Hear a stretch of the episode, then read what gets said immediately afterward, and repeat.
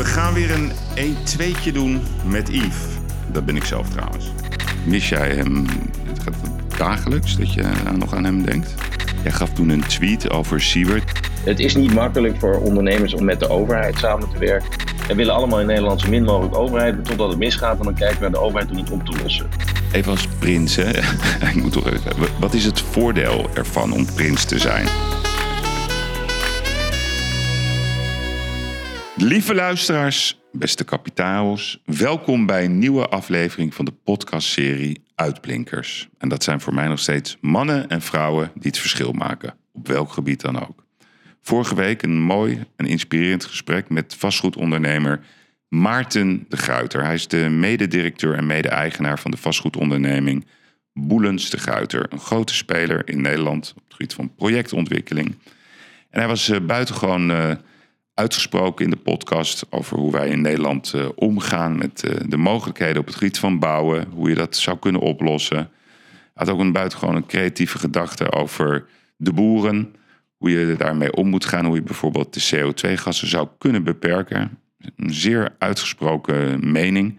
En vooral een inspirerende man. Ik zou zeggen, als u de tijd heeft, luister er nog eens rustig naar terug. Deze week een hele bijzondere uitblinker. Een uitblinker van Koninklijke Huizen. De eerste keer in de podcast. En hij is Constantijn Christophe Frederik Eschwin, prins der Nederlanden. Prins van Oranje-Nassau, jonkheer van Amsberg.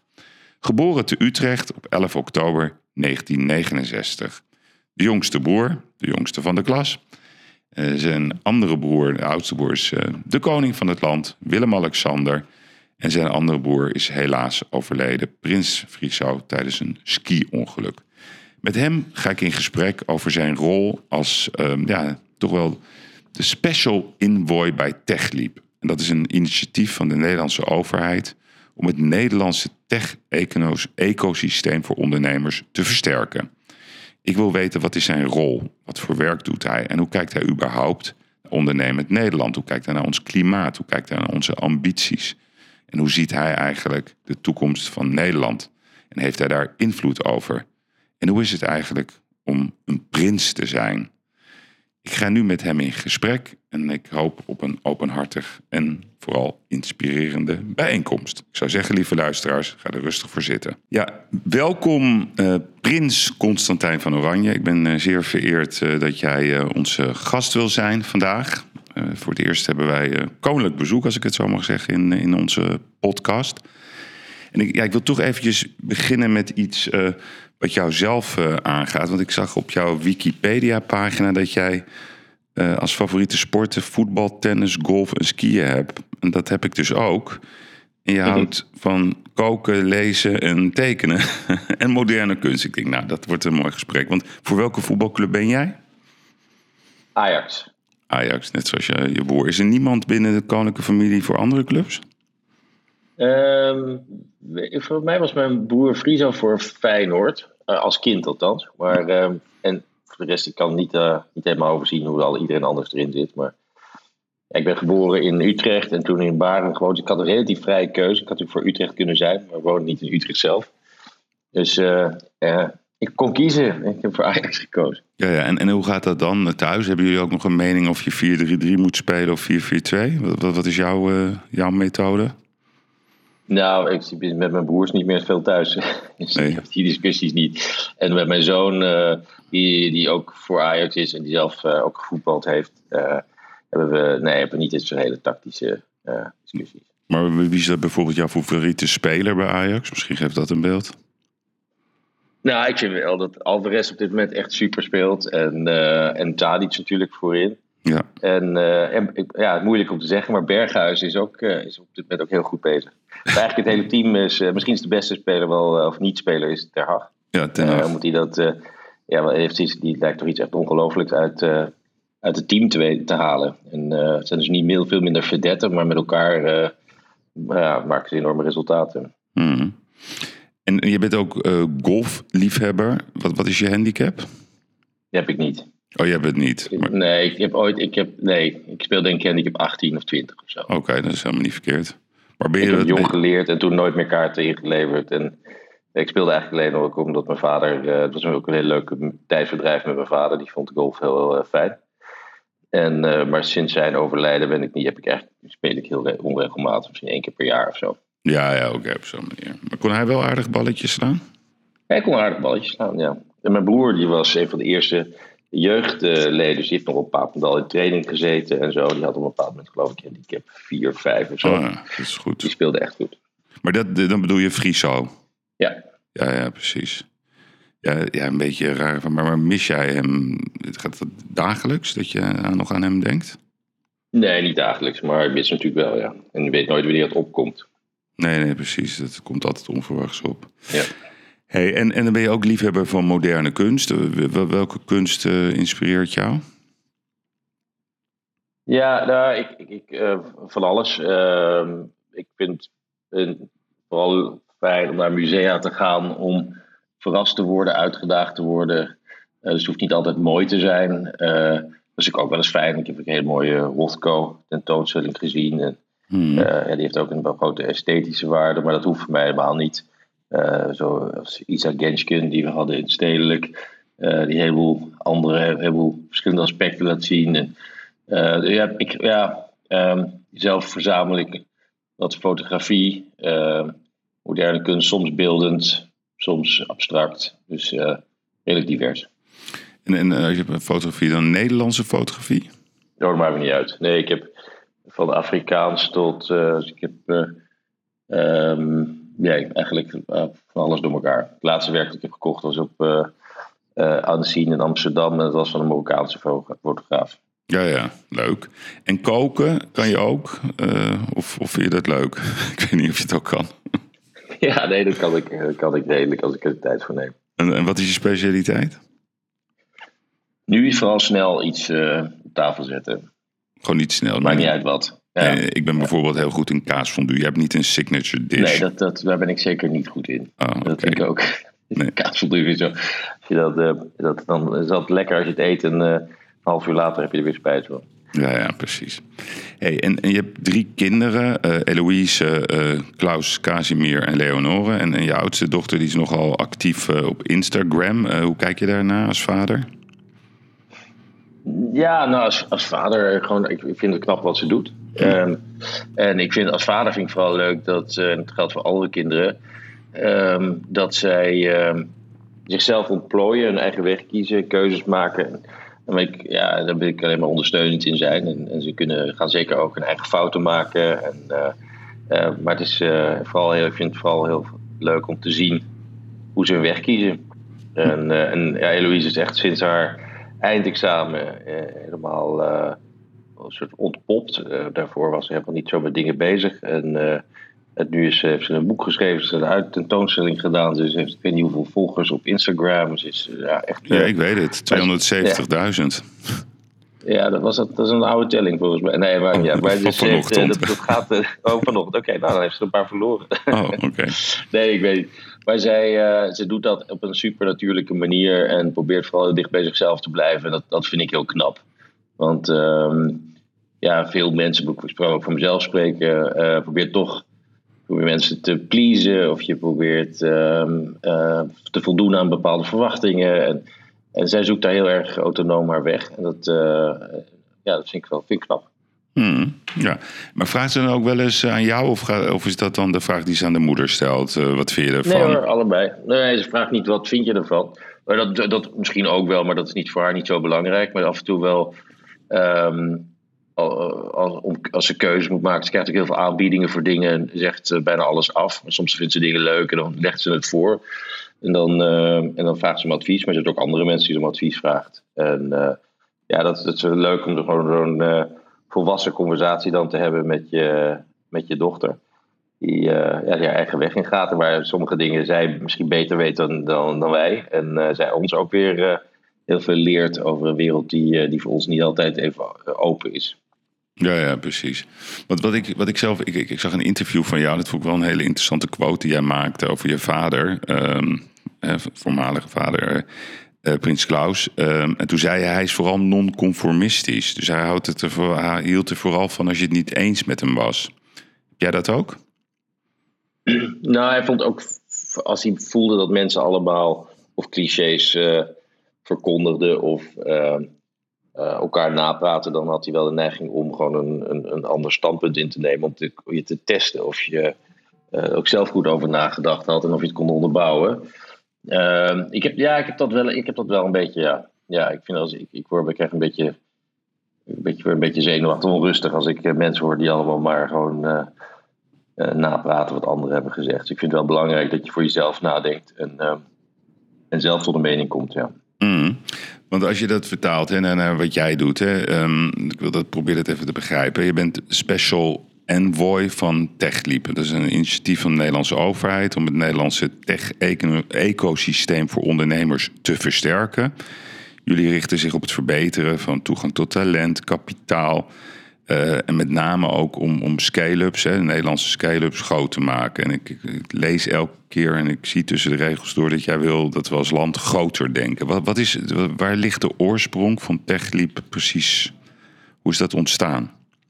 Um, de oorsprong ligt in Startup Delta. Uh, Startup Delta is ontstaan weer uh, heel oorspronkelijk als je teruggaat naar een motie van Anne Lucas, uh, Kamerlid van de VVD. Die zei dat er iets moest komen als een Startup Envoy. Ehm, dat was in 2013 geloof ik. Toen zijn ze op zoek gegaan.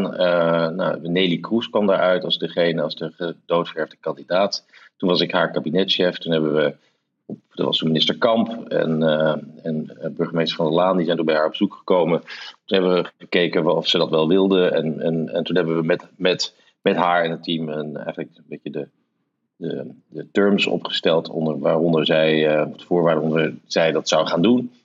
Toen heb ik me er verder niet zoveel meer mee bemoeid. Het is toen in 2014, geloof ik, begonnen, eind 2014, 2015. En toen hebben we anderhalf jaar later was ik de vraag van wat, wat nu, want het zou maar anderhalf jaar zijn. Uh, gaat het door en, onder welke voorwaarden en, welke organisatie gaat het, vorm gaat het dan krijgen? En toen uh, hebben ze mij benaderd daarvoor om dat van haar over te nemen. En uh, nou, zo is het ontstaan. We hebben iedere keer, ieder anderhalf jaar gekeken van wat is er nu nog nodig? wat moet er anders? Waar, waar kan je zinvol, ook als, als semi-overheidsorganisatie, iets bijdragen? En op een bepaald moment, uh, ik had dat toen 4,5 jaar gedaan, of is het drie jaar gedaan. En zei van nou, nu is het, uh, is wel mooi, maar op deze manier komen we niet echt verder. Er zijn een paar belangrijke dingen die de overheid kan doen in termen van wetgeving, fiscaliteit, migratieregels, maar ook subsidiëring, die veel beter zouden kunnen. En daar kunnen wij als TechLeap of toen nog uh, Startup Delta eigenlijk niet veel aan veranderen. En, en het kan dan niet zo zijn dat je wel roept dat je de beste in Europa wil worden, maar dat je uiteindelijk daar de de middelen niet voor eh, beschikbaar stelt en ook niet de, uh, de politieke prioriteit geeft hieraan.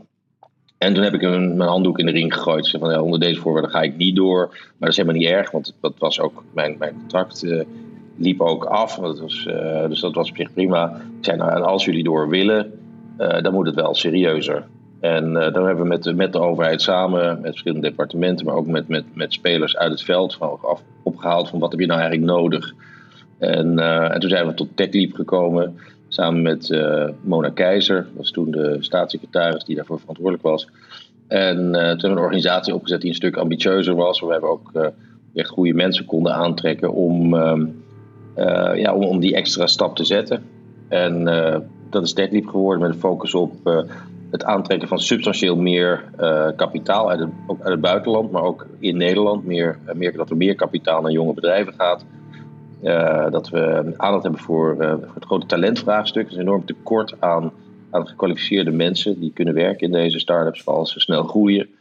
En uh, ook gekeken naar ehm, hoe technologie ehm, uit de universiteiten makkelijker in de markt kan komen en wat daar beperkingen zijn en hoe we die kunnen adresseren. zo hebben we eigenlijk gekeken naar alle, alle barrières die er zijn in Nederland, waarom bedrijven misschien niet van de grond komen, waarom ze niet snel groeien, waarom ze niet uitgroeien tot uh, zeg maar beursgenoteerde bedrijven. En gekeken of we daar, uh, daar verbeteringen in kunnen aanbrengen samen met onze partners. En dat werd uh, TechLeap. Ja, en, en um, dus dat is een, zeg maar een, initiatief van, van economische zaken, volgens mij. Dus, dus is dat ook het, zeg maar... Dat wordt betaald door economische zaken. En we hebben het um, eigenlijk vanuit Startup Delta hebben we de strategie geschreven. En, maar mede, mede met, met de overheid. We hebben eerst ja, met een heel aantal ook ministers samengezeten. En uh, analyses voorgelegd over wat er, ja, hoe, het, hoe het Nederlandse tech-ecosysteem eruit zag, welke behoeftes er waren. En met voorstellen gekomen van wat je daaraan zou kunnen doen. En op grond van die voorstellen heeft toen de overheid dit initiatief genomen. Ja, ja, want als je zelf hè, kijkt hoe dat nu gaat dan. Hè, dus, dus eigenlijk, als ik het goed begrijp, is uh, TechLeap wil eigenlijk het, het, het, het, leven van de, van de ondernemer in deze fields... en dat zijn natuurlijk allerlei verschillende takken van sport... makkelijker maken. Uh, stimulerender, positiever, meer ambitie. Hè? Want ja, ja, meer ambitie is niet altijd makkelijker. Hè? Maar je probeert onnodige barrières weg te nemen en waar je kan te helpen versnellen. Maar ehm, eh, het is niet gemakkelijk. Dus een, een, groot bedrijf bouwen is een stuk moeilijker dan een klein bedrijf bouwen. Dus dit wil niet zeggen dat het makkelijker wordt, maar wel succesvoller. Hmm. Want als je nou kijkt naar, de afgelopen tien jaar, wat vind jij dan zeg maar een vijftal voorbeelden van techbedrijven, Nederlandse techbedrijven, die hebben laten zien dat ze eigenlijk van scratch uh, naar een high level kunnen gaan? Wel, welke springen er dan uit wat jou betreft? ja, de, de, de, de allergrootste natuurlijk Adyen. Ehm, in betalingen, maar ook uh, heel knap is uh, Takeaway. Die, um. Die, ja. ja, die, die, die hebben vooral door acquisities ook heel slim uh, markten in Europa weten te pakken. En dat is een heel ander spel. Dus je kan zelf groeien en dan internationaal gaan en zo. Dat, dat heeft hij ook gedaan. Maar hij is ook, heeft vooral ook heel strategisch geacquireerd, zelfs in, door uh, Grubhub te kopen in, uh, oh, in het VS. Daar is nu wel discussie over. Maar ja, nu uh, hij, hij, is daar heel strategisch in. En, en dat durft hij. Ja, hij is een, een, een first-time entrepreneur. Komt echt uit de, uit de universiteit. daar is hij begonnen. En heeft het zichzelf dus allemaal aangeleerd. Dus dat is wel echt wel een indrukwekkend voorbeeld. Maar ook andere, zoals Elasticsearch, is, is, een, is ook een. Stefan Schuurman is dat, ja, hè? Stefan Schuurman. Een heel bijzonder voorbeeld, recent van uh, Sitsi Brandy van um, Git, uh, GitLab. In, uh, hij, hij is begonnen in Utrecht, maar is vrij snel naar Amerika gegaan en heeft daar GitLab opgebouwd zonder hoofdkantoor. En is met, na de beursgang nu geloof ik 15 miljard waard. echt een, een ongelofelijke prestatie. Mm. En er staat om hem wel een, wel een aparte anekdote. Hij, toen hij begon, toen heeft hij geloof ik aan zijn vrouw gezegd van hou me weerhoud me ervan als ik, uh, als ik ga neigen ertoe om uh, venture capital aan te trekken. Uh, toen is hij naar Amerika gegaan, daar is voor hem echt de wereld open gegaan. Dus toen had hij zelfs, toen heeft hij wel venture capital aangetrokken en toen is hij veel harder gaan groeien. En toen heeft hij voor zichzelf heel publiekelijk gezegd op de website: wij gaan een IPO doen in 2020 was dat. Er kwam natuurlijk wat COVID doorheen. En toen heb ik hem gevraagd waarom doe je dat eigenlijk? Het is heel kwetsbaar als je jezelf, als je je, je, opties verkleint. En toen zei hij, ja, het komt omdat als ik niet die stip op de horizon zet, dat ik dan ehm, weer terugval naar mijn Nederlandse soort van realisme. En dan gaat mijn ambitie weer, uh, weer omlaag. En ik moet juist mezelf dwingen om, uh, om verder te reiken en, en ja, hoger te springen. En dat doet, heeft hij op die manier gedaan. Dus dat, dat toont wel een beetje de spanning tussen um, maar het Nederlandse realisme en, en eigenlijk wat er van je verwacht wordt als je in zo'n hele schaalbare uh, technologische omgeving een bedrijf bouwt.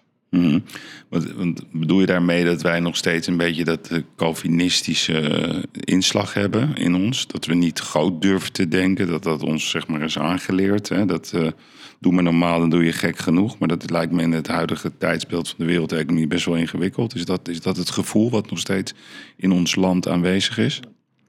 Ja, ik weet niet of het aan Calvinisme moet ophangen, maar het is inderdaad waar dat we, dat we doe, je, doe maar gewoon, doe je gek genoeg, dat is, zit er heel diep in. En ik zeg dan, uh, denk maar groot en, en doe vooral doe ook niet gek. Maar uh, je kan wel, want het is niet zo dat mensen die dit soort bedrijven bouwen, dat die gek zijn. Het is zelfs zo dat ze super gedisciplineerd, of in ieder geval over het algemeen super gedisciplineerd, heel erg op de data zitten. Heel erg um, bewust omgaan met, met, met hun medewerkers en het, een heel duidelijk doel voor ogen hebben. En dat doel ook vertalen naar een organisatie. En uh, dus om, om zo'n bedrijf te bouwen, dat is echt topsport. Net als een uh, Olympische sporter ben je dan ook, moet je ook coaches hebben, moet je ook jezelf, um, moet je op alle, echt alle terreinen. Voor een sporter is dat van dieet tot fysiotherapie, tot mentale coaching, tot ik weet niet wat allemaal. En dat is eigenlijk bij, bij ondernemers die dit soort bedrijven bouwen ook. Die moeten en ervaring hebben in hoe je een bedrijf opbouwt en hoe je de mensen, de beste mensen aan weet te trekken. Maar ook hoe, je, hoe de marktontwikkeling zijn, hoe je, hoe je productontwikkeling doet, enzovoort, enzovoort, enzovoort. Dus het is echt een. een het is echt heel knap wat die mensen doen. Want die doen het niet alleen in één land, maar die doen het in meerdere landen. met meerdere culturen. En en hebben vaak ook een, een interne cultuur die, die, heel, die, die heel internationaal is. En dat brengt ook allemaal weer culturele uitdagingen met zich mee. Dus het is, het is echt wel een, het wel topsport. En ik vind ook dat we dat meer, veel meer moeten erkennen. En de start-ups, het klinkt allemaal leuk en, en, en klein, maar het is eigenlijk een enorme, enorme topsport die we, uh, die we soms een beetje onderschatten. Mm Want kijk, eh, ik heb zelf nog drie voorbeelden. Uh, bijvoorbeeld Ali Niknam. Um, ja. Die heb ik ook in de podcast gehad. Dat is, uh, die was ooit de oprichter van TransIP, zeg maar domeinhosting. Nou, die is, die is nu groot aandeelhouder van de Bunkbank. Die heeft een waardering, geloof ik, van, van, van bijna 1,7 miljard. Nou, die jongen is dus gewoon miljardair op zijn 39ste. Dan praat ik met hem over Nederland. En dan zegt hij tegen mij, ja als ik in New York ben, zegt hij, dan, dan, dan voel ik altijd wel dat grote denken, dat positieve waardering voor ondernemerschap. En hij zegt, ja, daar word ik wel soms een beetje ongelukkig over. Hoe, hoe ze hier kijken naar uh, accelereren als ondernemer. Dus die heeft dat kan toch... me wel iets bij voorstellen. Ja, Dus hij, hij, hij zegt eigenlijk, um, wat jij eigenlijk ook promoot, we moeten groter denken. Hij voelt dat niet. Dus ik zie hem al bijna al weggaan, omdat hij hier zeg maar die, dat ambitieniveau niet voelt. Adriaan Mol, uh, de man achter uh, Message Bird en Molly. Ik geloof dat zijn ook twee unicorns. Gewoon op eigen kracht heeft die jongen dat gedaan. Dan heb je nog ja. uh, Nalden, die WeTransfer van de grond heeft getrokken. Dat zijn toch allemaal van die... Van nou die... Ja, vooral die eerste, die eerste paar zijn natuurlijk echt wel heel indrukwekkend. En ja. ik denk dat je Robert Vis van MessageBird, ja. nou, je noemde het bedrijf al. dat, dat zijn, dat zijn hele indrukwekkende ondernemers die Um, ook nog super toegewijd. Hè? Want je kijkt hoeveel geld uh, Ali in zijn bedrijf heeft gestoken uit zijn eigen zak. Ja. Dat is echt wel vrij indrukwekkend. En um, ja, die hebben die drive. Het zijn ook developers allemaal. Ze, ze, veel van de Nederlandse ondernemers zijn uh, niet zelf uh, technisch onderlegd. En die hebben dus anderen die het development voor hun doen. En dus wat je in, in Silicon Valley veel meer ziet, is dat de ondernemers zelf ook een informatica-achtergrond hebben of zelf heel erg met het product betrokken zijn. En dat zie je bij een, bij een Ali natuurlijk ook. Die is echt um, diep, diep, diep betrokken bij productontwikkeling. Nou, Adriaan Mol is zelf besloten dat hij niet CEO van zijn eigen bedrijf wil zijn. Ja. Omdat hij, en die, die, die is ook een developer. Dus het is een ander, het is een ander slag ondernemer. En die vindt waarschijnlijk veel, vindt meer soortgenoten in, in de VS. Ehm, en waar ook het venture capital daar echt heel goed op aangesloten is. Dus die, daar wordt ook geëist dat je, dat je heel goed met data omgaat. Dat je heel goed in, in de vingers hebt waar je bedrijf staat.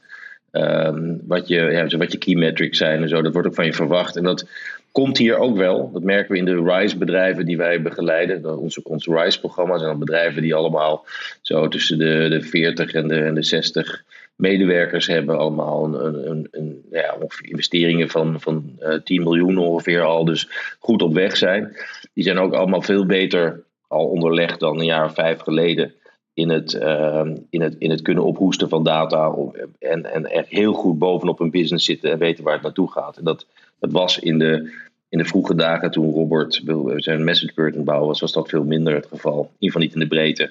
Dus hij, heeft ook, ik heb ook een podcast, kan ik even reclame voor maken. Dat heet Scale Lab. Ja. En daar hebben we hen ook geïnterviewd. En vooral bij Robert merk je gewoon ook, hij heeft een paar hele goede adviezen aan Nederlandse ondernemers. En waarin hij ook vertelt over zijn ervaring in Silicon Valley en hoe dat hem de, open, de ogen geopend heeft. Ik kan me daar nog herinneren, een specifieke passage waarin hij zegt: Ja, toen ik er aankwam in Silicon Valley, had ik gevoeld dat, iedereen slimmer en ambitieuzer was dan ik. En uh, hij, heeft toen, na, hij heeft toen dat programma doorlopen, Y Combinator. En uh, waar hij vrij arrogant aan begon. Van, hij zei van, nou, weet je, weet je, waarom zou ik zoveel aandelen weggeven? Ik ben toch al een heel groot bedrijf. En waar hij nu dan echt met zekere bescheidenheid, zegt van, ja, ik heb daar zoveel geleerd. Ik heb zoveel contacten gekregen. Ik heb, um, toen ik op 200% groei zat, en toen zei mijn mentor, ja, waar Airbnb was, waar jullie nu zijn, toen zaten ze op 400% groei. Dus het kan veel harder. En nou, die lessen die deelt hij dan. En hij heeft dan ook niet, hij heeft weer het eerste bedrijf naar Amerika halen, heeft hij toen niet gedaan. Maar hij zelf daar wel blijven zitten. Dus zijn COO, uh, Maaike Nachtegaal, die heeft toen het bedrijf van groot deel gerund. Terwijl hij daar gewoon zat om, om gewoon de, die ambitie ook en die lessen te leren. En, en te, te, te begrijpen hoe, hoe dat in Amerika gaat. En dat heeft, hem, dat heeft hem ook heel veel geholpen in de latere uitbouw van zijn bedrijf. Hmm. Want kijk, TechLeap, hè, dat, dat is niet een. Jullie zijn geen venture capital uh, nee, bedrijf. We hebben geen, we investeren niet zelf. Nee. nee, dus wat jullie doen, uh, jullie, je, je vertegenwoordigt eigenlijk het geluid van, van, van ambitie, toch wel, vind ik. En ook vanuit connection om, om mensen te helpen om aan een, een goed human capital te komen. Je probeert, zoals ik het in ieder geval tussen de regels doorlees facilitator te zijn in, in, in, in ja, minder regels, zeg maar, vanuit de overheid, maar om, om, om vooral je ding te kunnen doen. Um, werkt dat ook? Heb jij het gevoel dat, dat jij uh, deuren kan openen bij de overheid die anderen niet geopend krijgen? Um, nou, ja, zover we staan ook met één been in de overheid. En dat is wel echt onze nou, USP. Um, wij, uh, maar dat wil niet zeggen dat je vooraan staat altijd. Uh, wij zijn natuurlijk maar één van de vele prioriteiten van een overheid. En we, zijn, we zitten bij, in economische zaken, omvallen onder een directoraat. Nou, er zijn vele directoraten en allemaal hebben ze hele belangrijke doelen. Dus dat wil niet zeggen dat, dat iedereen meteen zegt: ja, het is zo ontzettend belangrijk wat TechLeap doet. Of dat tech-ecosysteem, dat is het allerbelangrijkste. Nee, uh, woningbouw is misschien een veel belangrijker onderwerp. En veiligheid en onderwijs. En je, staat toch altijd heel erg laag zeg maar, op, de, op de prioriteitenranglijst. En ook moeten wij vooral naar voren kijken. Dus we zijn vooral gericht op de toekomst en waar Nederland naartoe gaat. En uh, het meeste van de politiek zit natuurlijk in, um, in wat er vandaag moet gebeuren. En misschien het, het, dealen met, met ervaring uit het verleden. Dus wat dat betreft is het niet, uh, niet altijd makkelijk bij de overheid. En het is ook wel zo dat we, eigenlijk als je het plat slaat, hebben we de eerste twee jaar van TechLeap hebben we ons vooral gefocust op problemen en die gekeken hoe we die kunnen oplossen. Dus kan je met pensioenfondsen werken, dat ze meer gaan investeren in venture capital? Kan je met de overheid werken aan fiscale maatregelen om bijvoorbeeld optieregelingen in bedrijven makkelijker te maken of om mensen makkelijker gaan investeren in, uh, in start-ups? Uh, we hebben met ze gepraat over start-up visa. Dus, dus eigenlijk allerlei dingen waar de overheid ook een belangrijke rol in speelt. En nu zijn we, hebben over de helft. En nu kijken we naar, het eind, einde van TechLeap. En, uh, en, dat, um, en nu is onze focus verleggen we naar um, zoveel mogelijk met de gemeenschap van ondernemers samen te werken. Naar wat zij direct nodig hebben. Dus dat is wat minder structurele soort van interventies en structurele, dus met de overheid structurele aanpassingen van wat er um, van, van, ja, van wetgeving en dat soort dingen. En veel meer naar hoe kan je zorgen dat ondernemers elkaar beter leren kennen, met elkaar uh, lessen uitwisselen, van elkaar leren. En de generatie van Jitse Groen, dat die weer teruggeven aan de, aan de volgende generatie. En dat, dat, dat die kennis, maar ook de contacten met, uh, met goede venture capital fondsen of met potentiële klanten, en dat dat veel meer gedeeld wordt. Uh, dat is eigenlijk waar we ons nu veel meer op gaan focussen. Dus heb je dan minder te maken met de overheid en veel meer met de ondernemers zelf en alles wat zij, wat zij eigenlijk nodig hebben om te groeien. Ja, maar eigenlijk klink jij als, als, als de beloofde minister van Innovatie of ja, EZ, hoe je het noemen wil. Ben je daar wel eens voor gevraagd? Van, goh, uh... nee, nee, nee, dat zou met de ministeriële verantwoordelijkheid ook niet kunnen. Mm -hmm. Um, en ik, ik ben ook, ik merk wel dat ik over de tijd steeds verder af komen te staan van de overheid. In mijn denken over wat je, wat je allemaal kan doen als overheid. Ik denk dat de overheid heel goed allerlei randvoorwaarden kan creëren. En veel van die randvoorwaarden zijn ook wel in orde langzamerhand. Dat zie je ook wel. Dat, dat, dat eh, zeg maar in SaaS en in, in fintech en, dit soort bedrijven vind, weet ook echt wel geld te vinden. En ook wel de mensen. Dus dat, dat loopt eigenlijk best aardig. Um, maar als je dan veel dieper gaat kijken naar markten zoals uh, health tech. Of je gaat kijken naar uh, energie en vervoer en, en, en, en in, uh, landbouw. De technologische toepassing in landbouw. Dan wordt het allemaal veel lastiger. En dan zijn eigenlijk de problemen die bedrijven hebben, die liggen niet meer zo specifiek bij innovatie of bij digitalisering, maar liggen eigenlijk heel erg in de sector zelf. Dus bijvoorbeeld hoe er wordt aanbesteed in, in de zorg. Of, um, ja. of je een, een, een, innovatieve toepassing makkelijk in het ziekenfonds krijgt. Of, allemaal dat soort van, van aspecten. Die hebben daar eigenlijk dan niet zoveel te maken met innovatie, maar veel meer met die specifieke sectoren waar je dan actief bent. En dan ben je, val je dus onder onder OCW of je valt onder VWS of je valt onder allerlei andere ministeries die, die daar primair verantwoordelijk voor zijn. Hmm. Nee, maar goed, je geeft bijvoorbeeld een voorbeeld van aanbesteding in zorg. Hè. We, we, hebben nu natuurlijk tijdens die coronacrisis gezien eh, dat dat niet zeg maar helemaal vlekkeloos is gelopen, om het zachtjes uit te drukken. Want ik zag ook een keer dat jij, jij gaf toen een tweet over Siewert, het is niet onaardig bedoeld dit, dat, eh, dat dat positief was. Nou, ik weet niet of je dat uh, toen van bewust was wat die jongen allemaal aan het doen was. Waarom tweet je nee, dat? Nee, nee, ik was niet bewust wat die. Ik, waar ik wel bewust van was, was dat, die, uh, dat in die tijd was er enorm veel chaos. En dat kan je ook, dat kan je ook allerlei verslagen lezen. Hè? Dat ja. ook over Dullard, die verantwoordelijk was voor de inkoop. En die zich een haar uit zijn hoofd trok. Van waar, hoe kom ik aan die producten? En, en voelen we überhaupt wel de urgentie daarvan? Hmm. En toen er sprake was van een centralisering van... Uh, van alle. En, ja, en, en, en, ja, het was toen een wilde westen. En dat zij met iets met bezig waren met een paar hele serieuze partners. En ik heb alleen maar een keer een introductie gedaan naar een partner in Silicon Valley die heel erg uh, ja, die, die, zeg maar, internationale uh, logistiek uh, faciliteert. Mm. Verder heb ik me er niet zo mee bemoeid, maar dus dat wist ik. Dus ik heb helemaal in het begin, toen het begon met, met was maar één artikel, heb ik gezegd van nou, um, er zijn misschien, het verhaal is, nog veel, is misschien wel veel groter en er is veel meer aan de hand. Dus voordat je iemand meteen aan de schandpaal nagelt, moet je misschien iets meer tijd gunnen. Maar dat is het enige wat ik heb gezegd. En daarna is er van alles ook over mij heen gevallen. Ja. Maar, um, en, en ik wist, ik geloof dat niemand die er toen betrokken was, wist wat er, wat er verder nog allemaal gebeurd is. Uh, en, en hoe ze dat allemaal in elkaar hebben geschoven. En dat is natuurlijk, uh, ja, dat is allemaal heel, uh, dat is allemaal heel, heel verwerpelijk, denk ik. Maar, um, vind, je dat goed, hij het geld, dat, vind jij dat hij het geld terug moet storten?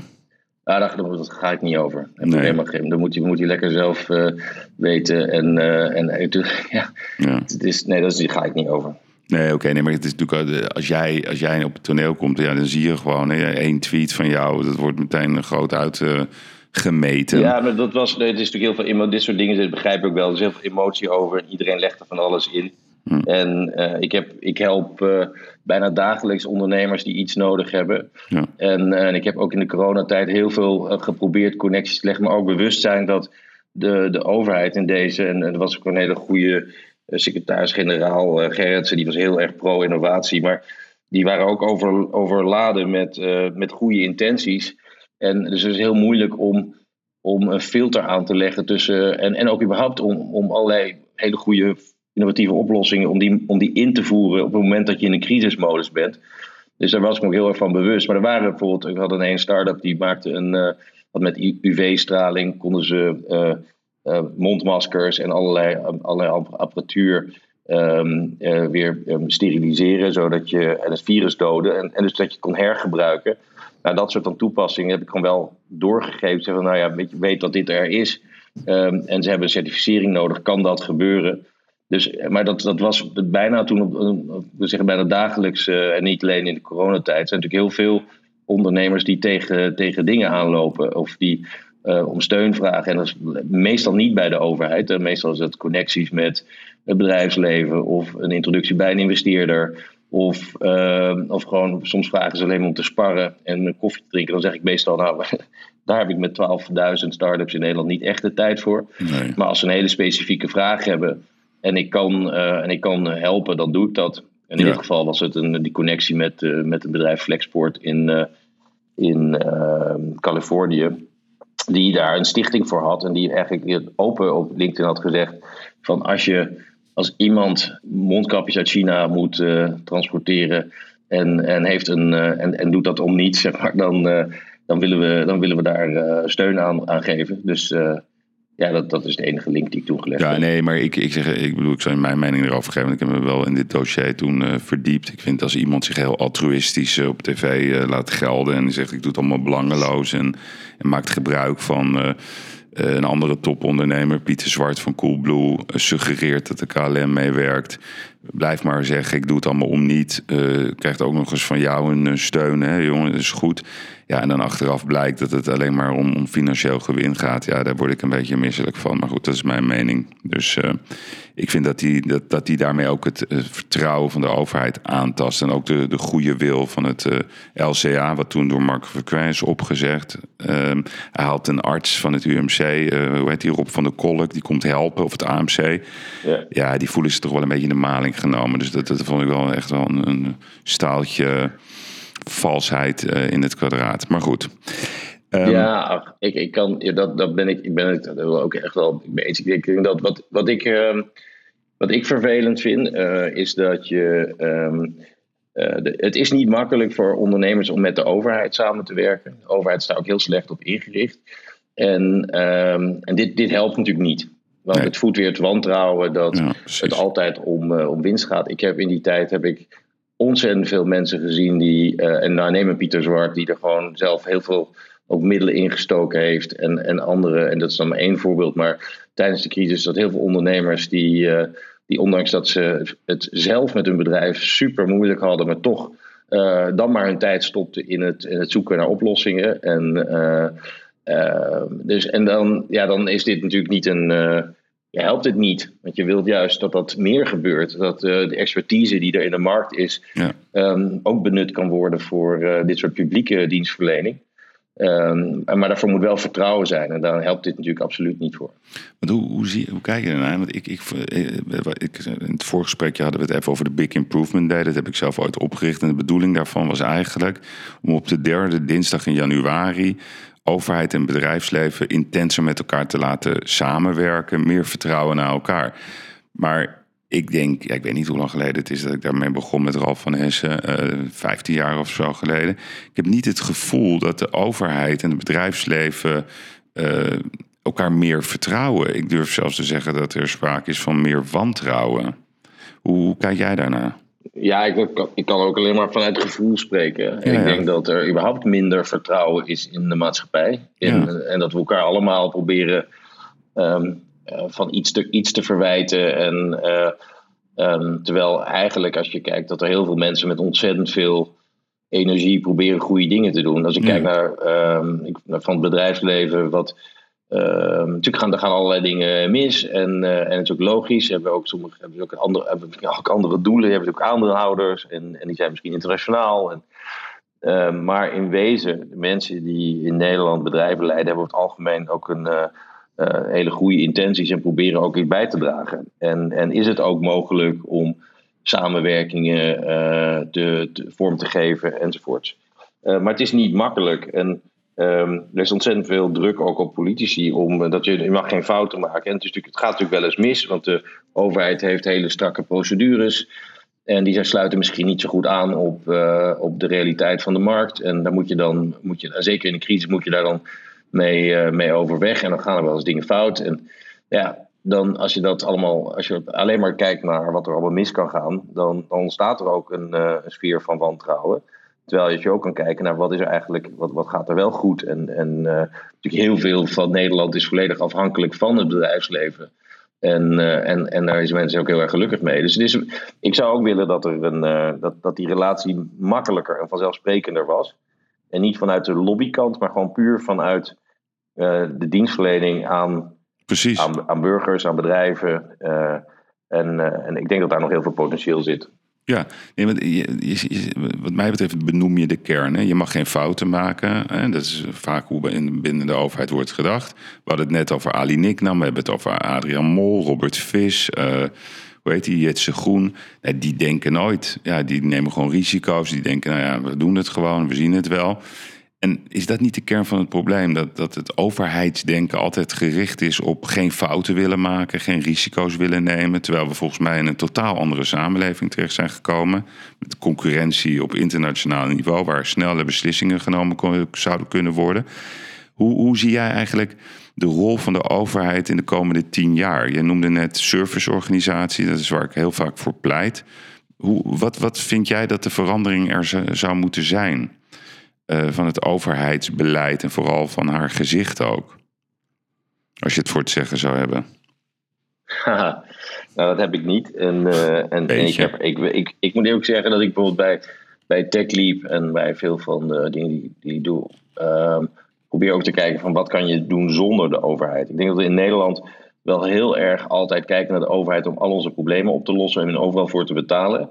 Terwijl um, heel veel dingen ook gewoon zelf opgelost kunnen worden. Daar ben ik altijd wel een beetje jaloers op de Zwitsers. Die willen eigenlijk zo min mogelijk overheid. Hmm. En die willen alleen dat als het echt nodig is, dat de overheid dan. Ja, ik, wil, ik wil ook zo min mogelijk overheid. Als ik heel ja, maar, maar, dan, maar als het misgaat, blijkt. We willen allemaal in Nederland zo min mogelijk overheid. Totdat het misgaat, en dan kijken we naar de overheid om het op te lossen. Ja, maar dat is bij ondernemers. Heb ik dat niet hoor. Dat is meer nee, bij ondernemers veel minder. Die zeggen over het algemeen van. Uh, uh, ik vind wel een weg eromheen. Maar bij het bedrijfsleven heb je ook heel vaak als het gaat om collectieve dingen, dan is het van nou, de overheid moet dan ook wel doorkomen. Hmm. En uh, um, ja, ik, ik, ik zou, kijk, als ik, als ik zou, zou, mogen, zou mogen zeggen, dan zeg ik in, in mijn, op mijn gebied uh, van, van technologie, innovatie en, en ondernemerschap, zou je een overheid willen die, uh, die, een, die een paar dingen doet. Eén is een visie. Een visie op uh, ja, waar gaat het naartoe met de energietransitie of met de voedseltransitie.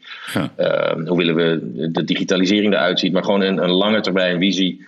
Ehm, waarbinnen je uh, voor redelijk voorspelbare investeringen kan gaan doen. Dus een goed een voorspelbaar investeringsklimaat met een helder doel. En dat ook ondersteund wordt door wetgeving. Uh, als je bijvoorbeeld een normstelling van, vanaf 2025 of 2030 geen verbrandingsmotor meer of zo. Dat soort dingen zijn heel duidelijk. En dan kan je daarbinnen kan je dan innoveren en kan je plannen. Ehm, en, een, uh, en een overheid die uh, randvoorwaarden creëert. Dus goede infrastructuur. zorgen dat, dat nou, de opleidingen goed zijn. Dus echt veel investeringen in onderwijs. En nou, alle, eigenlijk al, al dat soort factoren. Maar niet dat je op alle schakels van een innovatieketen, zeg maar, probeert regie te voeren. Ja, probeer wel partijen bij elkaar te brengen en probeer een platform te zijn voor, voor die partijen om, uh, om, om zo goed mogelijk te performen. Uh, maar probeer het niet allemaal uh, uit te stippelen hoe het dan zou moeten zijn. Dus, hmm. maar de, overheid heeft wel degelijk en kan ook wel degelijk een hele belangrijke vormende rol spelen, ook in ja, maar toekomstgericht innovatiebeleid. Mm. Nee, maar je hebt het over Wiesje. Ja, ja, sms wel eens met, uh, met Rutte. ja, je hebt dat contact nou eenmaal en die noemt dan, die heeft daar spijt van, maar die had gezegd: Wiesje is als een olifant die het zicht belemmert. Nou, ik zou het zo fijn vinden als, als, als uh, de Nederlandse regering eens een keer gaat uitstippelen waar ze naartoe willen met Nederland in de komende tien jaar. Dus, nou, dus- misschien doen, zijn ze daar nu wel mee bezig, ik weet het niet. Ja, ik zie het niet. Ik hoor het niet. Kijk, we hadden vroeger toch wel lekker een inkomstenstroom met, met, met het gas uit Groningen. Nou, dat, dat kennen we dat verhaal. Waar vind jij dat we ons op moeten richten als, als, als Nederland? We zijn, je had het net over sport. We zijn toch wel buitengewoon uniek in sport. Dat wordt vaak vergeten. Nummer 7 Olympische Spelen. We hebben Verstappen, we hebben voetbal, we hebben van alles en nog wat. We zijn ambitie uh, op het bedrijfsleven. We hebben heel veel uitblinkers. Maar wat is nou het DNA van Nederland wat jou betreft? Waar, waar moeten we naartoe de komende tien jaar met dit land? Dit mooie Nederland. Het DNA is een beetje een, eh, het je geheugen. Hè? Dus alle opslag van alles wat je was. Maar, um, nou, om even, even een zijsprong. Ik vind uh, inderdaad dat we ook best wel heel veel dingen zijn. Uh, dat heel veel dingen zijn waar we trots op moeten zijn. En um, dan denk ik wel eens van. Kijk nou eens naar dingen die wel allemaal goed gelukt zijn. Dus waar onze laadpalen zeg maar, infrastructuur waar we in de wereld in de top zijn. En inderdaad, die, die sporters ook. Het is wel echt ongelooflijk wat ja. iedere keer op de Olympische Spelen wordt gepresteerd. En uh, dat is echt een infrastructuur die, die gebouwd is. En er zijn ook mensen heel erg, heel erg zoals mensen als Mickey Huibrechts en dergelijke, die er heel erg voor ingezet hebben. En heb je echt gezien, dan zie je gewoon dat, dat die medaillespiegel omhoog gaat. En, um, en, en ook hoe de professionaliteit daar enorm, uh, enorm vooruit gegaan is. En, en dat, nou, dat levert gewoon echt resultaten op. Uh, ik vind het ook altijd ongelooflijk om te zien hoe in Nederland viaducten en, uh, en, en, en, wegen gebouwd worden. Als je het vergelijkt met het buitenland, waar je eindeloze oh, wegen ook bij de, zijn. ook bij de top van de wereld. Ja, ja, dat is echt ongelooflijk. Hoe je dan in een weekend wordt er even een brug ingezet. En, ja. Uh, dus we zijn echt wel, en natuurlijk onze waterwerken, er zijn ongelooflijk veel dingen die we heel goed doen. En dan, het is wel interessant om daar te kijken van waarom is dat eigenlijk? Waarom werkt dat wel? Is dat daar... Er is een blijkbaar een meer geoliede machine of uh, er is een helder, helder doel. Of er is een gevoel van urgentie. Uh, dat is met water natuurlijk helemaal het geval. Dus er zijn. Dus het moet, het moet die, die, die consensuscultuur van ons en het gepolder moet wel een soort van moet een richting hebben. En dan kan het heel goed werken. En, um, En ik denk maar, dat het, maar wat zou die richting moeten zijn? Ja, Kijk, want- dat, dat, is niet, dat is niet aan mij. Ik, ik, ik, wat ik, nee, maar eh, wat jouw mening daarover is. Ja, ja. Nou, iedereen heeft een mening over van alles. Dus dat, en dat wil niet zeggen dat daar gaan we niet heel veel meer vooruit. Ik kijk alleen maar naar waar ik zeg maar, actief in ben in, bij, bij TechLeap. Ik zie dat er grote transities zijn waarin Nederland best veel technologie beschikbaar is om in die transities een hele belangrijke rol te spelen. Dat is voedsel en water en energie en op al die gebieden.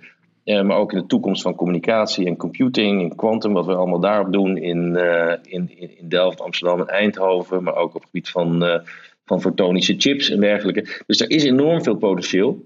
Ehm, en waar ik voor pleit, en, en eh, als ik, ik, je kan wel hopen op een visie, maar, ehm, ehm, maar ook in, in afwezigheid van die visie moeten we gewoon vooruit. En wat je dan, waar ik dan voor pleit, is dat we die gebieden wel benoemen en dan proberen de, de, de, de factoren, de succesfactoren van, van die gebieden zo, zo optimaal mogelijk te maken. Zodat ondernemers een kans hebben en, uit, en, en, en eh, uitvinders om in die gebieden producten, diensten te ontwikkelen. Die vervolgens kunnen, uitgebouwd kunnen worden tot, eh, tot, tot bedrijven die dan ook internationaal succesvol zijn.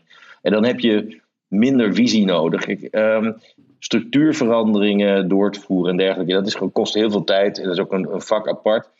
En ik moet eerlijk zeggen dat ik, ik, ik heb bij de Europese Commissie gewerkt. Ik heb bij andere, ook in, in, bij Rand Corporation, waar veel met beleid bezig gehouden.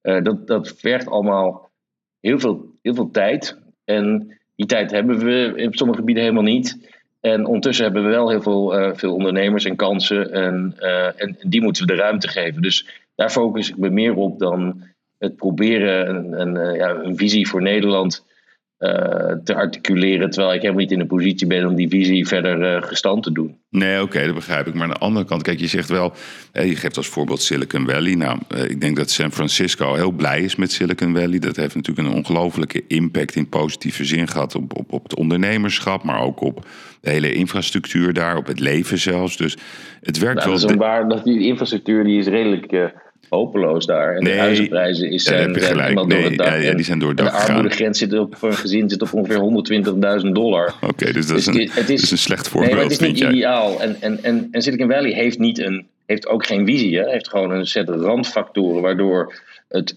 in staat is geweest om de allerbeste mensen van de wereld aan te trekken. Nee, maar dat vind ik zo knap. Ja. Dus, dus, dus je- Ja. iemand roept Silicon Valley, je hebt wel gelijk. Dus, maar wat ik, wel, wat ik wel bedoel is eigenlijk, eh, ze roepen Silicon Valley en iedereen gaat er naartoe. En dat heeft inderdaad een enorme invloed op de prijzen, noem het allemaal op.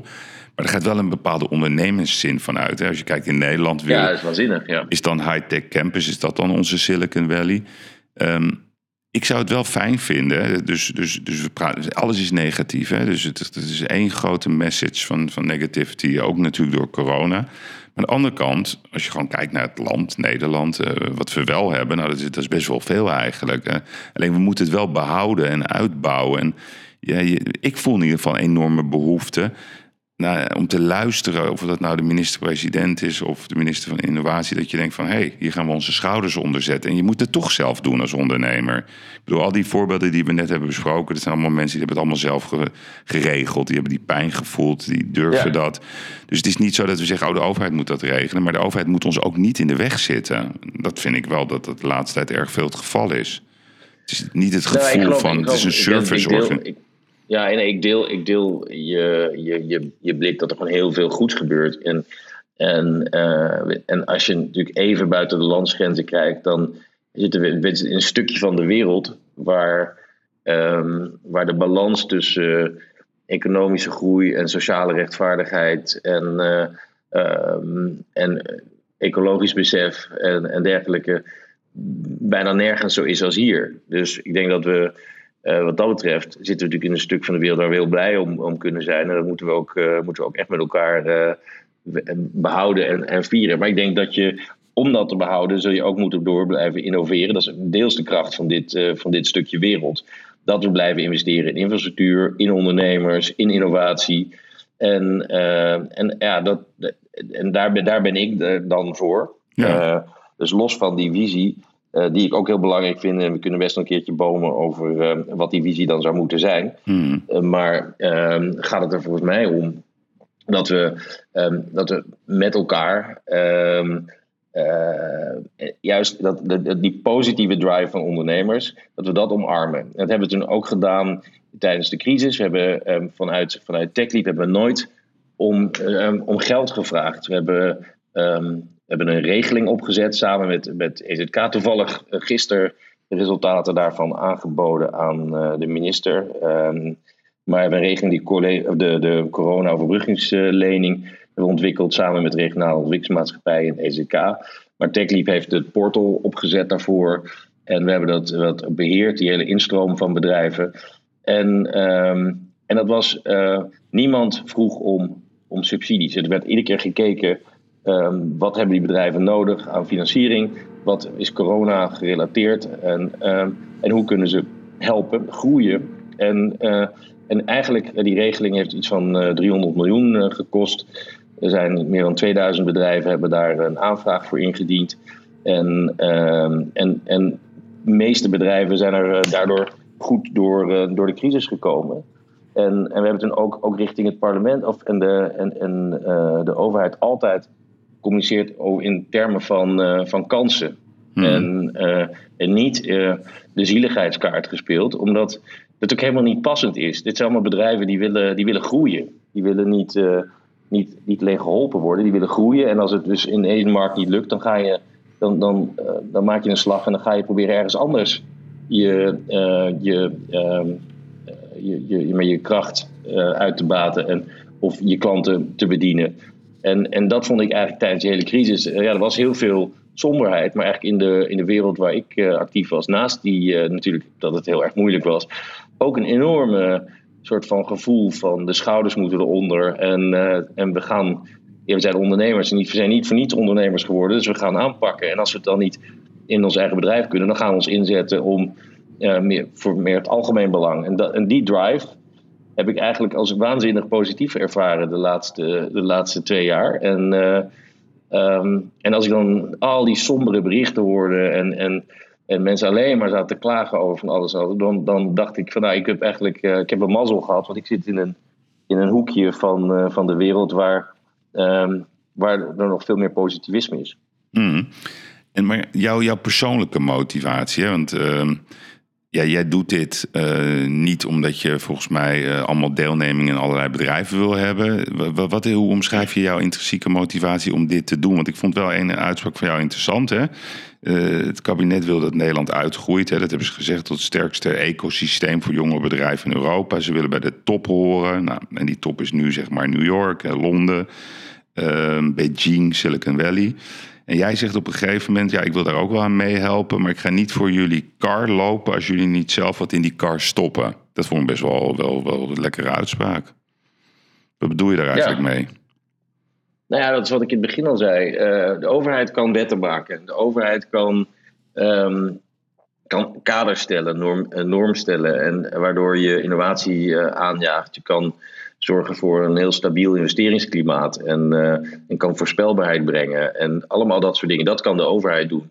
Dus de overheid kan niet bedrijven bouwen. En de overheid kan niet alle bedrijven financieren dat, dat, is niet de, dat is niet de rol. Dat, je moet alleen de markt zo. Uh, een eh, vriendelijk klimaat creëren, zeg maar. Dat is wat, ja, wat, ja, dus je moet ook zorgen dat, dat uh, venture capital hier goed van de grond komt. Ja. Je moet het niet proberen te vervangen. Mm. Dus, en, en, dus die, en die kansen zijn er allemaal. Maar het, is wel, het, het vergt dus het vergt wel keuzes.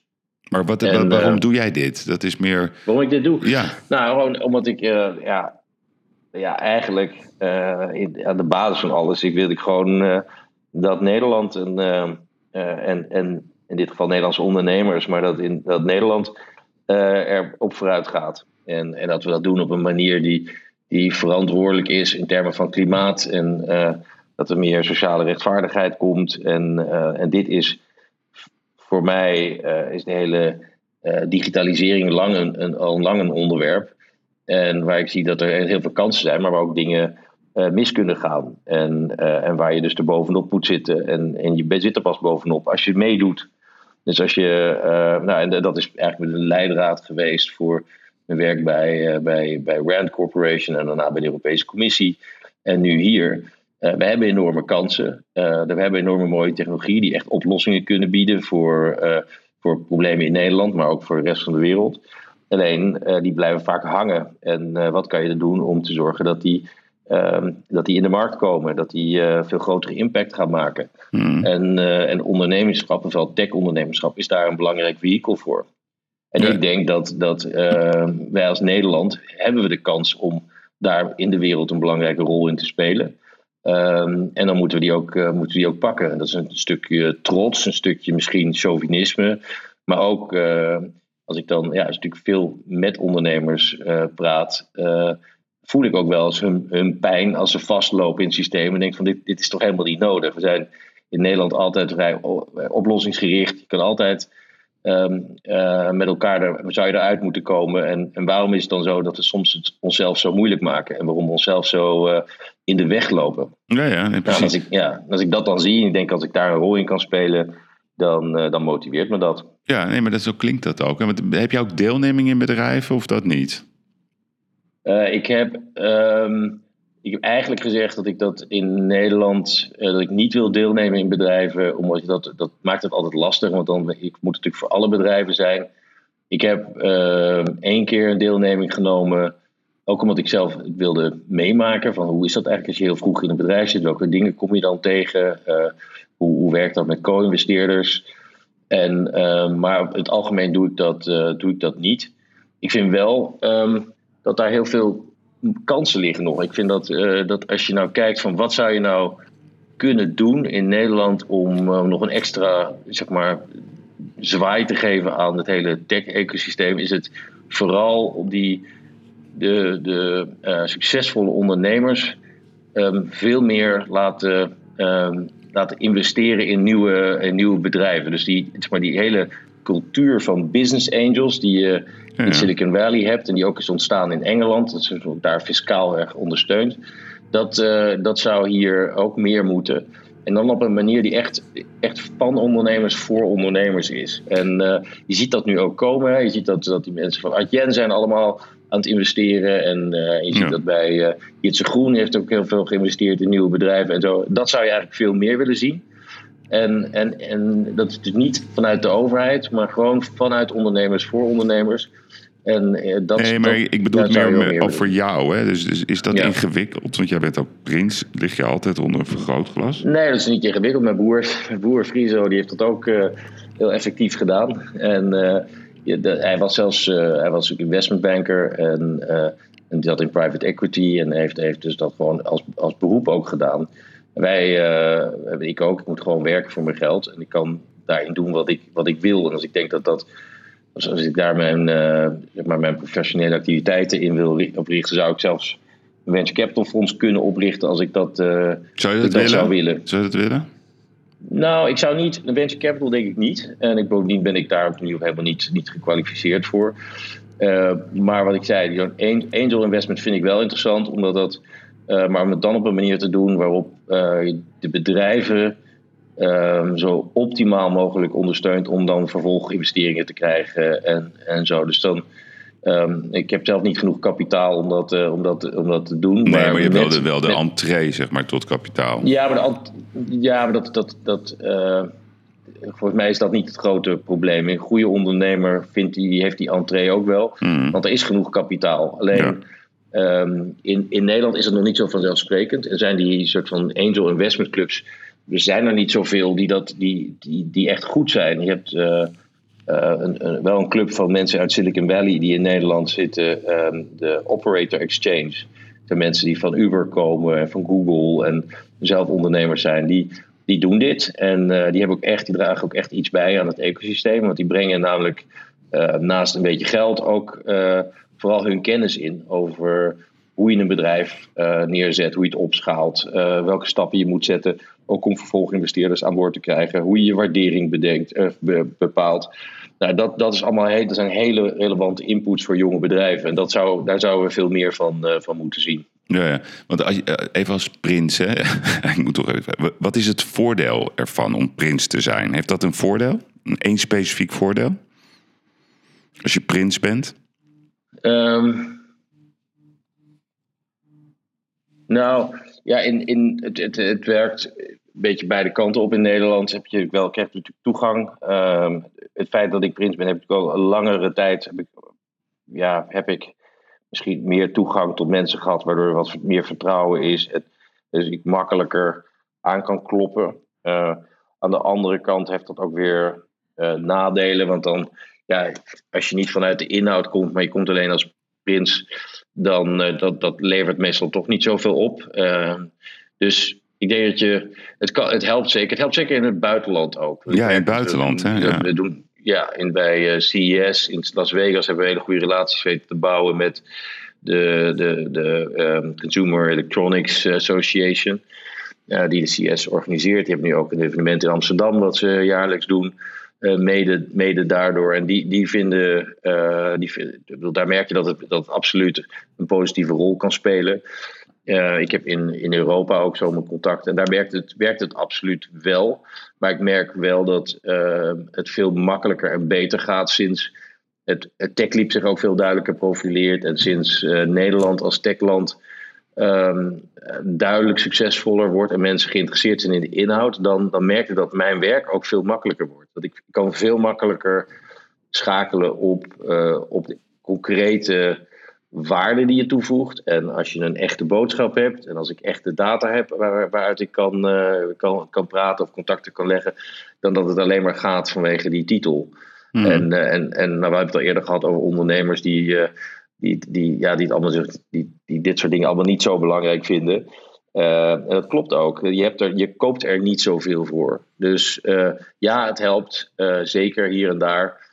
Het betekent ook dat ik veel soms voorzichtiger moet zijn, want ik heb ministeriële verantwoordelijkheid en dergelijke. Hmm. en, en voor mij was het altijd belangrijk om, om zo snel mogelijk te zorgen dat je dat ik, dat ik diep in, het, in de inhoud zit en dat ik ook los van die, die titel wat kan brengen. Want dan, dan kan je pas echt de waarde toevoegen, denk ik. Hmm.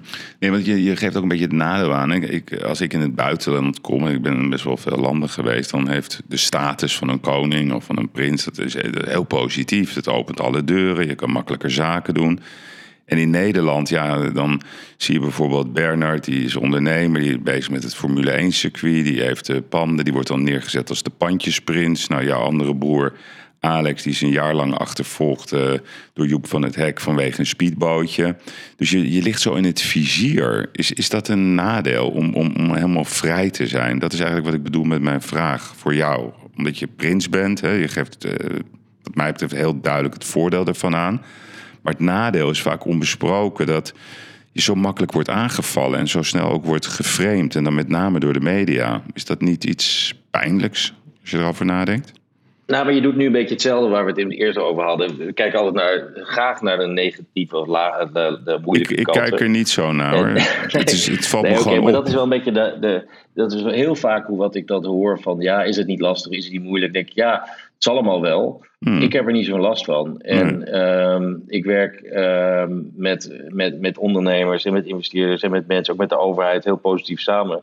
En um, ja, ik zie het niet zo. Uh, ik heb ook, ben er ook in opgegroeid, dus ik weet ook wel een beetje van waar de grenzen liggen. En uh, nou, die, die, die kan het dan een beetje oprekken, maar moet ik altijd wel gewoon zorgen dat je, dat, dat je in een werkbare, dat je een werkbare context hebt waar je, waar je in werkt en waar je effectief kan zijn.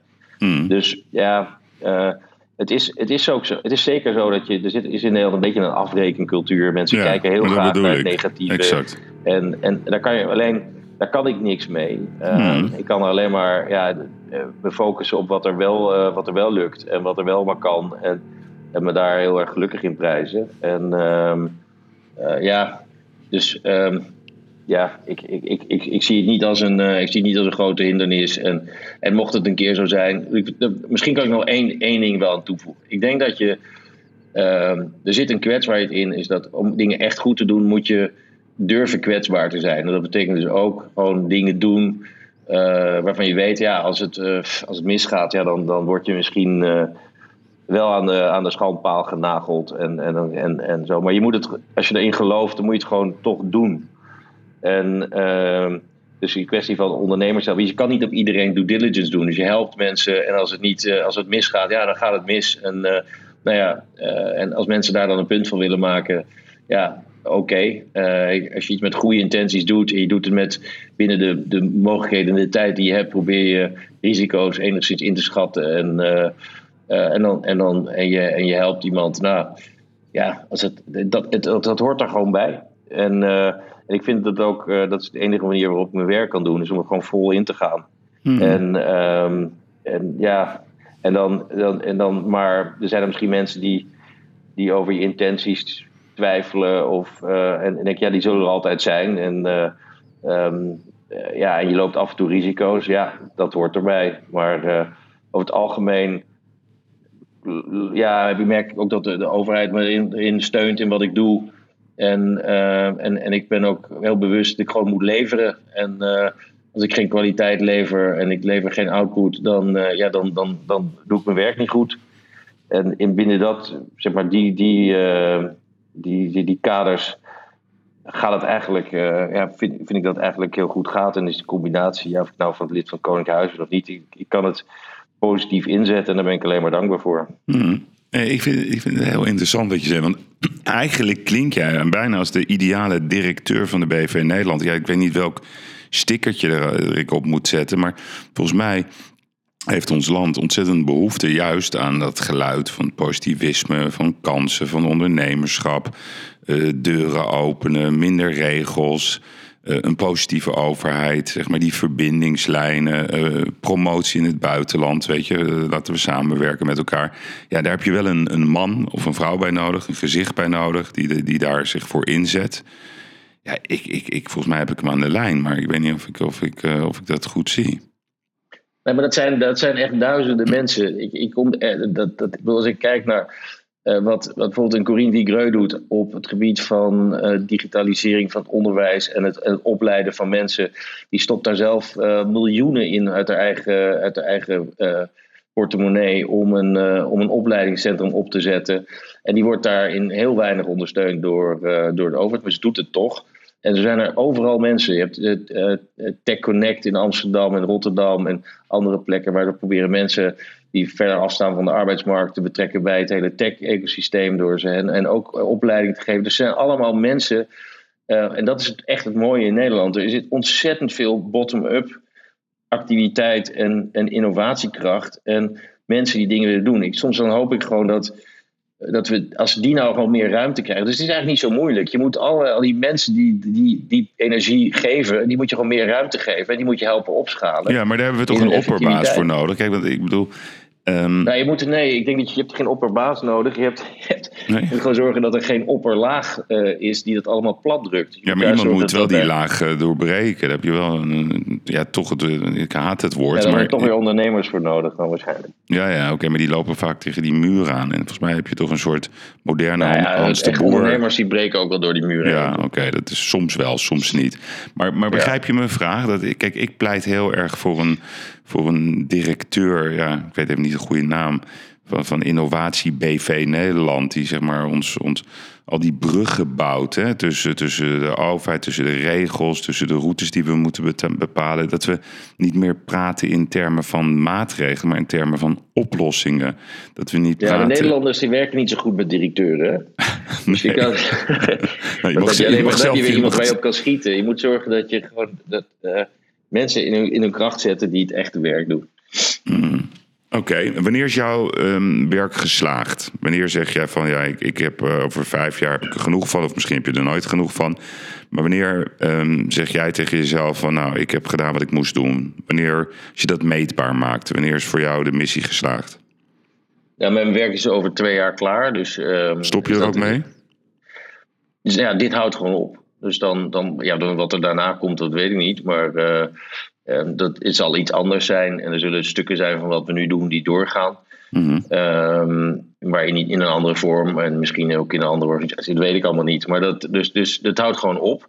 En ik, heb, ik moet dan opleveren wat ik heb gezegd dat we zouden opleveren. We hebben daar gewoon hele duidelijke KPI's voor. Mm. En uh, we gingen het, het, het, het, uh, Venture Capital Nederland vertienvoudigen. En, maar om eerlijk te zijn, wat je, ik, ik begrijp je vraag. Um, ik, ik zou blij zijn als er een ondernemerscultuur ontstaat. Waarbij Precies. De, de succesvolle ondernemers teruggeven, terug investeren, hun kennis delen. En de jonge ondernemers vooruit. Zeg maar. Dus de hele paying, paying forward, giving back cultuur, dat dat hier ontstaat. Hmm. Dat mensen elkaar weten te vinden. En dat, ehm, dat het, het, het soort van enthousiasme wat er is voor jonge ondernemers ook ontstaat voor eh, ondernemers die succesvol opschalen. En dat die niet meteen weer worden weggezet als mensen die alleen maar het voor het geld doen. Want ik heb nog geen ondernemer gezien waar ik mee heb gewerkt die puur en alleen om het Ja, geld doen. Klopt. Eh, ze doen het allemaal omdat ze iets willen bereiken. Ze willen iets, iets neerzetten. En als het dan lukt om ook een succesvolle exit te doen en daar geld, geld over te houden. De meeste kopen er niet meteen een eh, buitenhuis in Frankfurt, maar gaan weer terug investeren of gaan weer een bedrijf opzetten. Omdat ze gewoon dit is wat ze goed, wat ze goed kunnen en wat ze willen. Mhm. En dat we dat meer omarmen. En dat, dat die, die houding in Nederland. En ik, ik denk niet dat het me gaat lukken om dat te veranderen. En ik zit misschien nog niet in de goede positie. Maar dat continu proberen dan te kijken van nou, het zal wel alleen maar om het geld gaan. Of alleen maar te vragen wat iemand verdient. In plaats van eh, iemand ook een compliment te maken. Wat heb je toch een ongelooflijk bedrijf gebouwd. En, Ja. eh, en wat knap. Ehm, en dat is hetzelfde met die sporters. Hè. Zo'n Sivan Hassan, als hij dan een bronzen medaille krijgt, dan krijgt ze alleen de vraag van waarom heb je geen gouden medaille gewonnen? En denk je van, hoeveel, wie stond er naast haar toen zij al die trainingen deed? En dat is één persoon, heeft, heeft dat allemaal gedaan. En dan krijg je de bronzen medaille en dan staat er iemand die vertelt, je vraagt je dan waarom het niet goud is. En, en zoveel sporters maken dat mee. En die ondernemers ook. Die, die, die struggelen. Die zijn, en als je dan succesvol bent, in plaats van dat je dan gevierd wordt, dan, eh, dan, eh, ja, dan is het alsof je al die struggles die je hebt gehad, alle risico's die je hebt genomen, ja, dat was allemaal makkelijk. Maar nu je het geld hebt, ben je een graaier. Nou, dat, als, we, als we toch eens met elkaar die soort van, soort van negatieve mentaliteit zouden kunnen veranderen, ja, dan zou ik echt succesvol zijn. Maar helaas denk ik dat ik dat. eh, dat dat misschien iets te hoog gegrepen is. Maar misschien dat, eh dat podcasts als deze daar ook een stukje Ja, bijdragen. Nee, maar ik merk, ik vind het wel mooi, hoor, want je, je, je, je, je zegt heel veel dingen die ik ook vaak hier op mijn bedrijf zeg. Ehm, dat negativisme, je wordt er bijna geïrriteerd van. Hè? Dat, hoe krijgen we dat uit onze samenleving? Dat we nooit klappen voor winst, maar altijd ja, eigenlijk blij bijna zijn als iemand ten onder gaat. hè. Ik heb wel eens gezegd, in Nederland word je populair als je failliet gaat. Of je ehm, gaat dood, dan, dan wordt opeens de waardering. Of je gaat naar het buitenland. Dat hebben we ook vaak, vaak gezien in de sport. We hebben er moeite mee hè, om te applaudisseren voor succes. Dat zit toch in ons aardje. Ja. Misschien heb jij, Ja. nou, eh, heb jij daar een, een, in ieder geval een mooie bijdrage aan geleverd om dat denken te veranderen. Heb jij nog een droom, persoonlijke droom? Dat je zegt over twee jaar, ja, dan, dan zit mijn werk voor TechDiep erop. Zijn er nog persoonlijke dromen die jij zou graag willen realiseren?